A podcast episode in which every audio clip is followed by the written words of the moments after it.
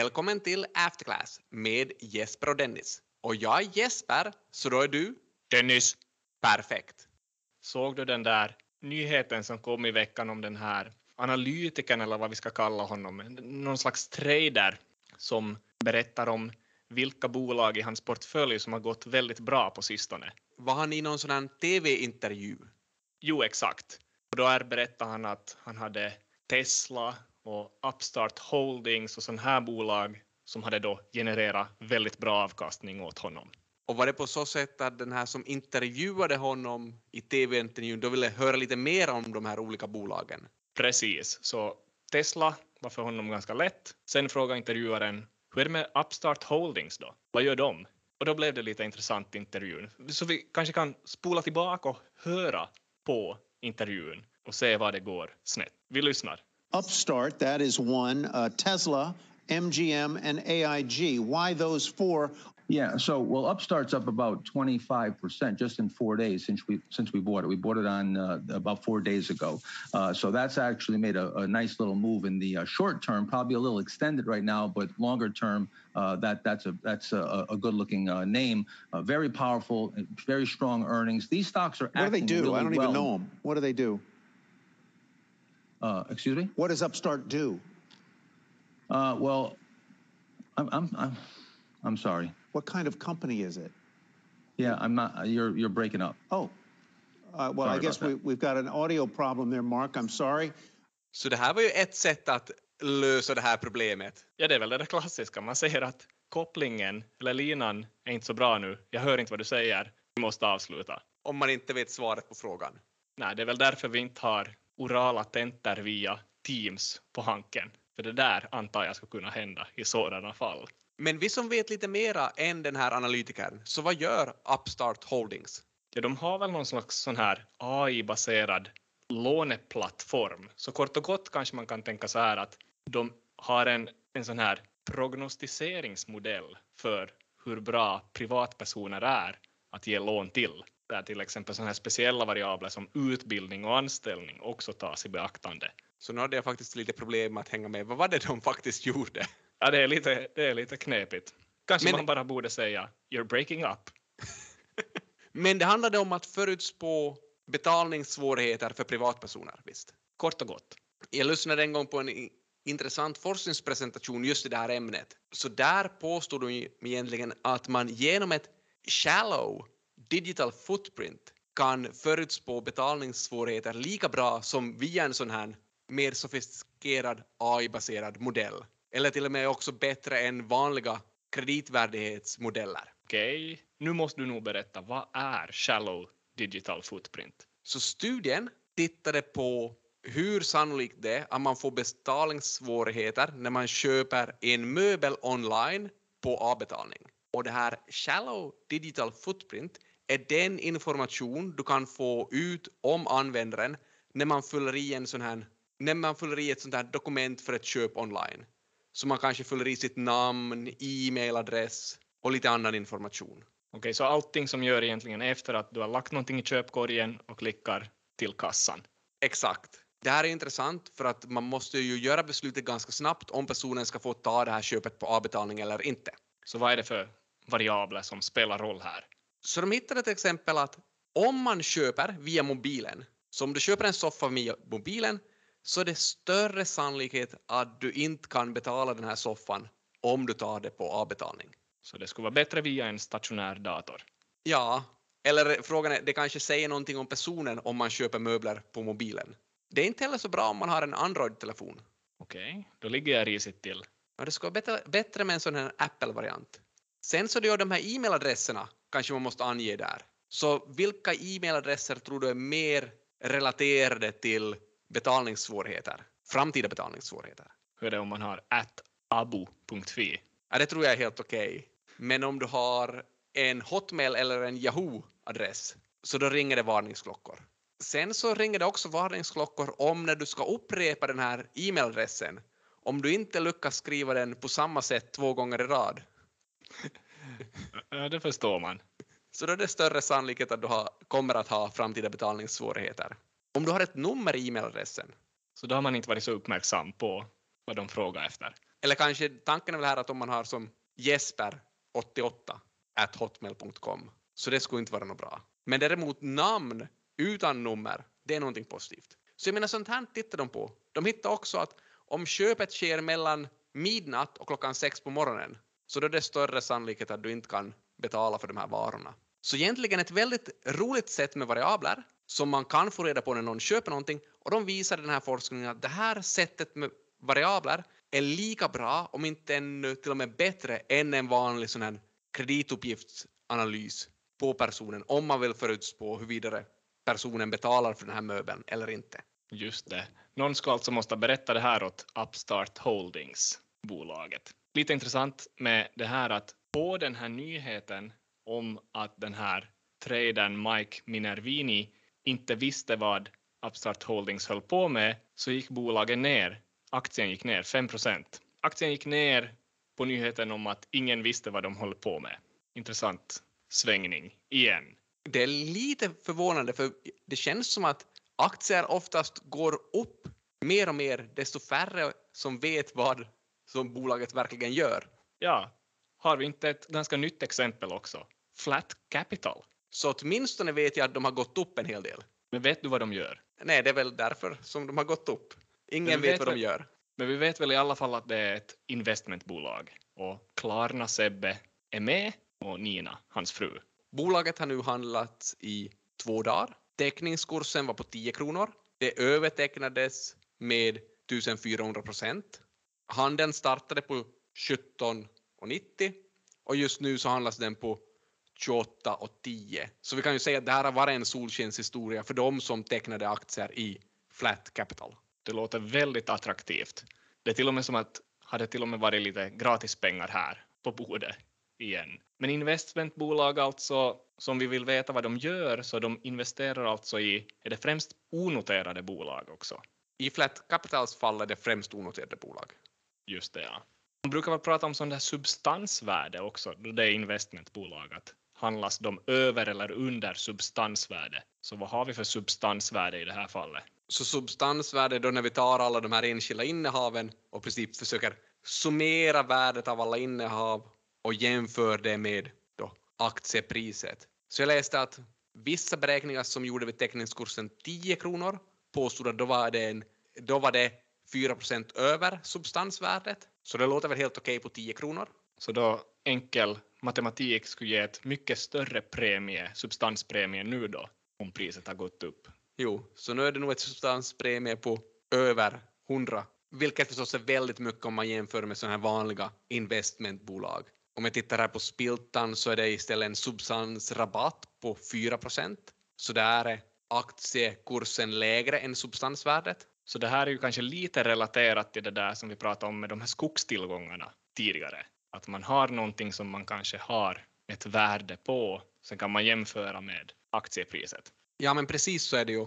Om vi pratar ännu lite mer om vad det här Flat Capital har i sin portfölj. Så du sa att det var Klarna Sebbe som var med som grundare och Klarna är ju kanske ett av de största innehaven, eller är det största innehavet. Sen har de Budbee, Truecaller, Flow, True Accord. Så jag vet inte. Jag hör väl nog till de här som inte vet vad de här bolagen sysslar med. Nej, det får vi väl nog konstatera. Det skulle krävas lite mer analys. Och sen är det ju svårt också att analysera just de här icke-noterade bolagen, för de rapporterar ju så sällan. Men tvärtom är det med de noterade bolagen, börsbolagen. Vi har ju Q3-rapporterna på G här nu och några har ju redan kommit. Den riktigt stora säsongen är lite framför oss ännu, men vi har Tesla till exempel, så där globalt sett får mycket attention. Så de kom ju här och sa att det har gått ganska bra i kvartal tre, eller väldigt bra. Marginaler på 30 procent, 15 procent i kvartalstillväxt i försäljning Och aktiekursen har väl också reagerat positivt på det här. vi börjar nästan närma oss någon slags all time high här. Elon är väl igen världens rikaste man också.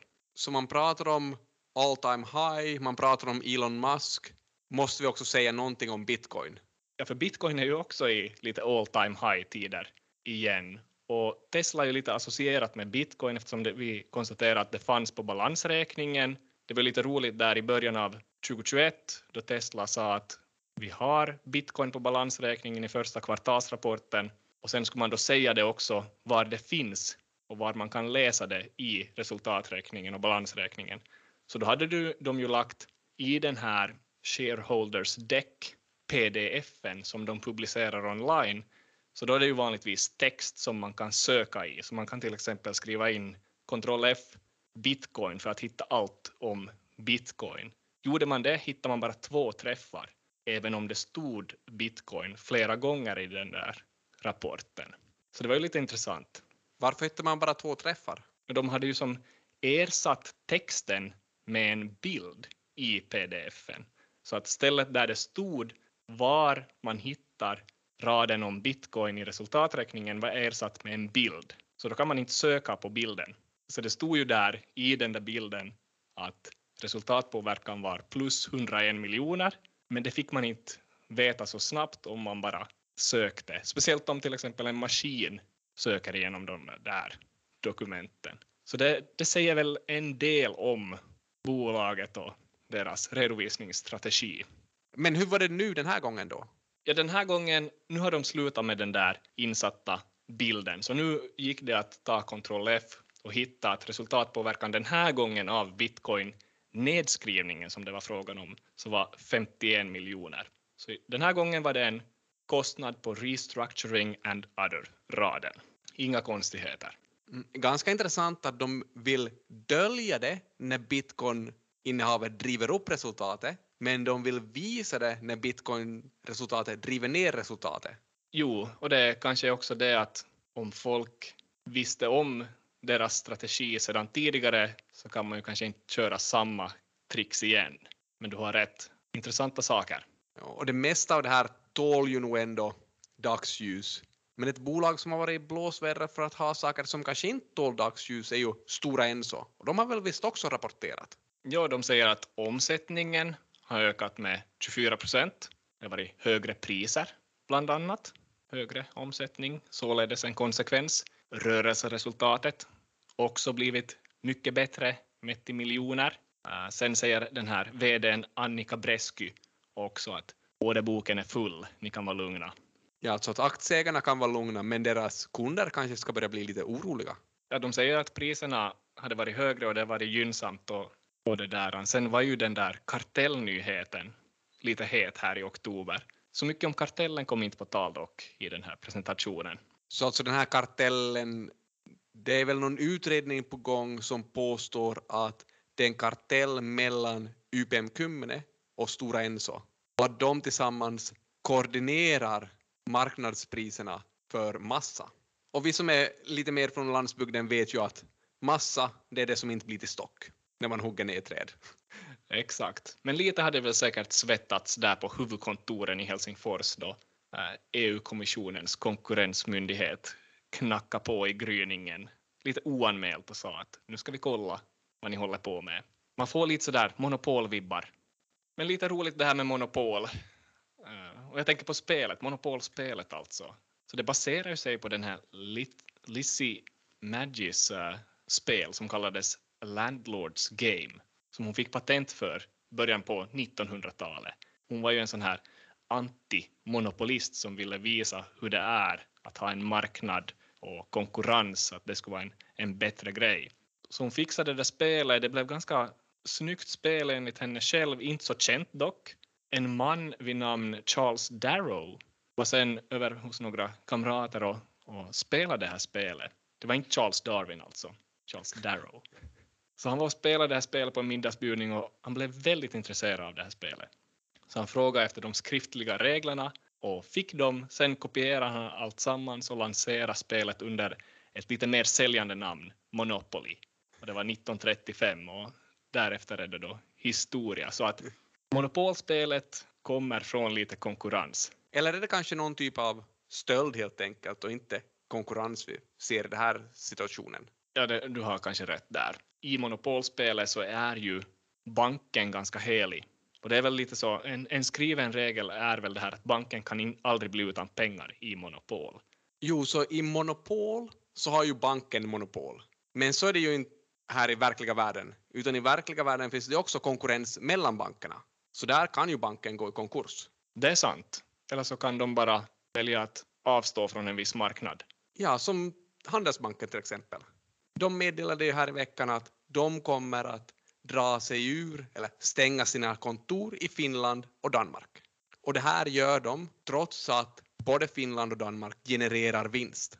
Men vi har pratat om det här tidigare också att det är kanske inte vinst som är tillräckligt för ägarna utan ägarna vill ju att det här kassaströmmarna eller vinsterna då ska vara högre än avkastningskravet. Avkastningskravet är förmodligen inte noll. Men helt klart, det borde ju öppna upp för någon annan bank i Finland och Danmark då att ta över den här marknadsandelen. Ja, verkligen. Så konkurrensen mellan bankerna borde minska.